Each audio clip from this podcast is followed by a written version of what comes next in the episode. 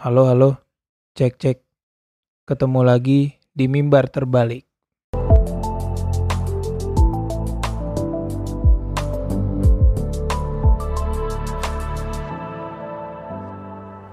Oke. Eh, mungkin kali ini judulnya rada clickbait, tapi nggak apa-apa lah ya. Matinya gerakan pemuda gereja. Ya. Gak apa-apa sedikit clickbait biar banyak yang denger lah. memancing, memancing viewers, eh listeners dong. Podcast kan ini. Jadi hari ini bakal ngediskusiin uh, tentang kematian organisasi pemuda di gereja. Ada, oke okay lah ya kita coba mulai. Jadi premis utama dari keresahanku dalam diskusi ini adalah absennya organisasi kepemudaan gereja terhadap krisis sosial. Dan bagiku absennya gerakan pemuda dan organisasi pemuda Kristen di komunitas iman atau di gereja adalah kematian dari organisasi tersebut.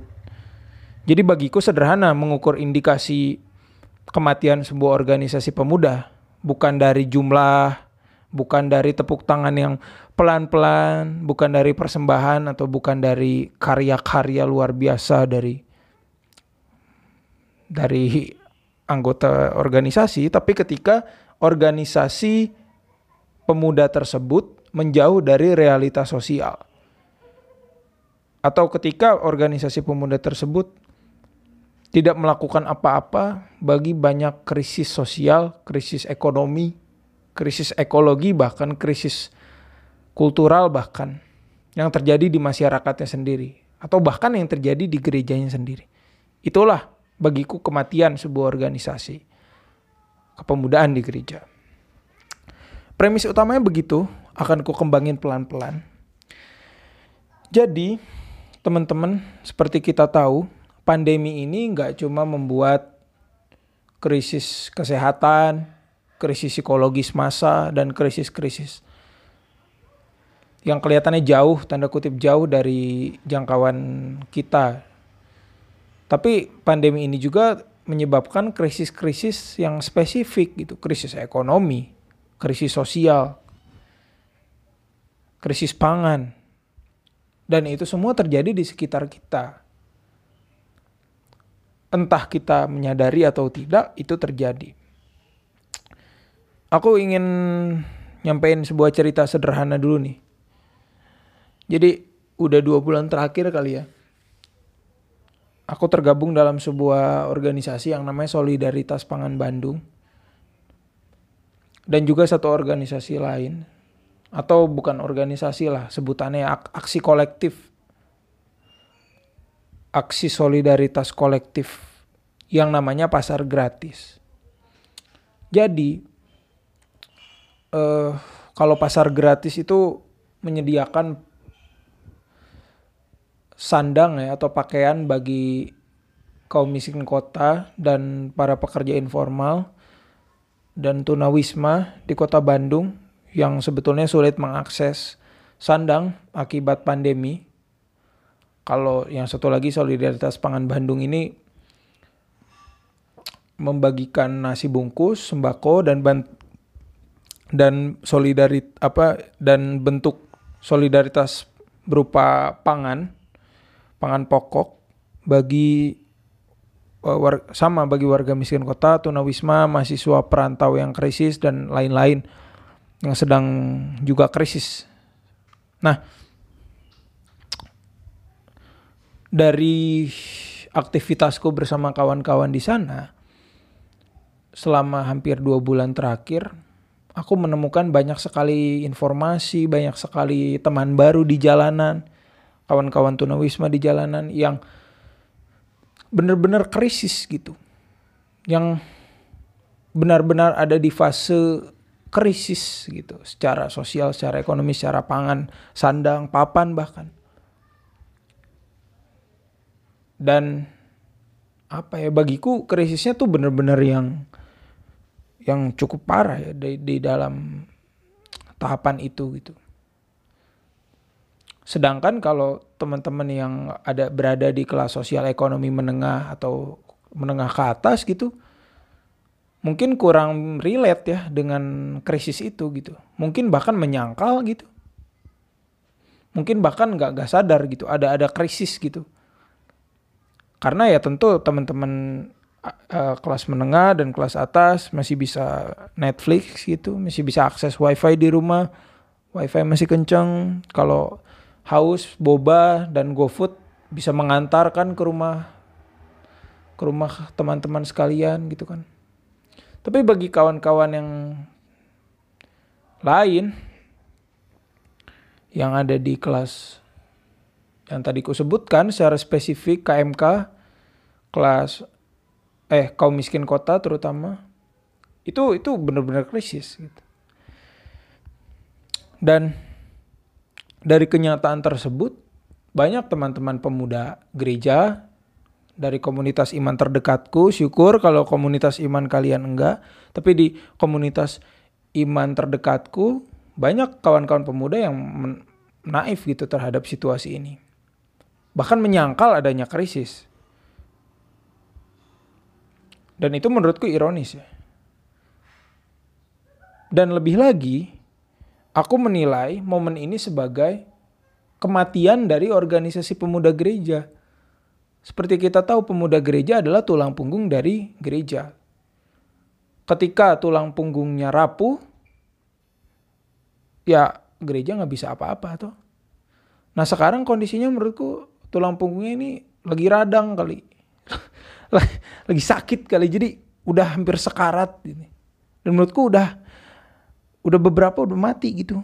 Karena ya organisasi kepemudaan padahal punya media, punya alat, punya sumber daya, punya tenaga, punya manusianya untuk melakukan banyak hal dalam krisis dan untuk melakukan banyak hal penting yang krusial dalam krisis ini. Lalu bagiku malah lebih gagal lagi ketika malah pemuda-pemuda di organisasi kepemudaan itu malah membuat aksi solidaritas sendiri. Padahal mereka alat, media, dan semuanya serba terbatas gitu. Gak, gak punya konstruksi struktur yang sebagus dan sesolid organisasi. Tapi malah orang-orang yang independen malah melakukan dan itu bagiku kematian gitu. Karena bagiku pribadi, ini entah kalian setuju atau enggak, bagiku pribadi, esensi daripada komunitas iman adalah solidaritas sosial. Karena gini, apakah komunitas iman tersebut hanya peduli soal solidaritas apa sorry soal keselamatan individual? Apakah komunitas iman tersebut hanya peduli tentang iman dan spiritualitas yang vertikal antara kita dan Tuhan saja gitu. Kan enggak gitu. Spiritualitas dan esensi kekristenan itu bukan tentang bukan hanya tentang spiritualitas yang vertikal dengan Tuhan kan.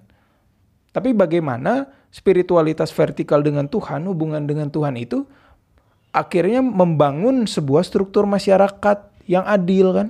Kan gitu kan esensi kekristenan itu.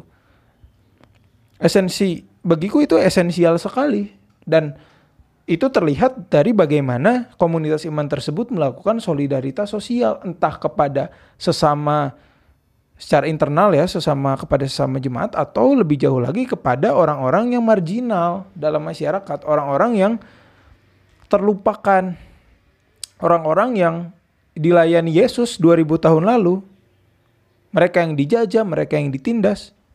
Dan itu kan sebetulnya yang dilayani Yesus 2000 tahun lalu. Lalu sekarang ketika komunitas iman abai terhadap realitas sosial, apalagi gitu? Apalagi yang mau dipertahankan dari organisasi itu gitu. Dan bagiku itulah indikasinya sebuah organisasi iman mati. Ini ter, ini ini bagiku hal yang cukup penting ya, teman-teman dan kalau teman-teman ingin e, bertanya, ingin berdiskusi, ayo kita berdiskusi bersama gitu tentang ini. Itu itu premis yang paling utama dalam organ dalam diskusi kali ini. Aku ingin menutup sebuah uh, menutup apa diskusi ini dengan sebuah cerita tentang tokoh yang namanya Friedrich Engels. Engels itu adalah seorang penyusun dari manifesto komunis.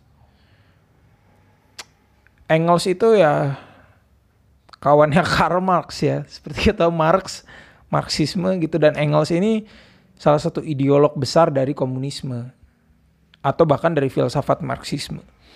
Friedrich Engels pernah menyusun sebuah paper ya, sebuah tulisan esai ilmiah tentang kekristenan mula-mula. On the early Christianity kalau nggak salah judulnya itu. Dari dan aku bisa melihat ya, Friedrich Engels gitu teman-teman, seorang ideolog Marxisme, seorang ideolog besar yang yang berpengaruh dalam gerakan komunisme di kemudian hari dia terkagum dengan gerakan kekristenan mula-mula. Dia terkagum dengan kekristenan awal, early Christianity. Dan Engels bilang kalau kekristenan mula-mula bisa berdampak dan bisa berpengaruh ke dalam politik dunia karena kekristenan mula-mula setia pada solidaritas. Dan bagi Engels, kekristenan sebetulnya dalam sejarahnya bermula sebagai gerakan orang tertindas. Karena di kekristenan mula-mula, eh, para jemaatnya itu adalah budak, orang-orang miskin, dan orang-orang yang dimarginalkan oleh masyarakat di waktu itu. Dan apa yang istimewa dari kekristenan mula-mula? Apa yang menjadi jiwa dari kekristenan mula-mula? Adalah komunitas iman yang kolektif, komunitas iman yang egaliter, yang setara, jadi di komunitas iman kekristenan mula-mula itu gak ada strata sosial, gak ada kelas-kelas perbedaan ekonomi, perbedaan ras itu gak, gak dilihat di kekristenan mula-mula. Dan kata kunci bagi kekristenan mula-mula ya solidaritas sosial. Saling menolong. Coba bisa teman-teman bisa baca sendiri di kisah para rasul 2 ya tentang cara hidup jemaat mula-mula.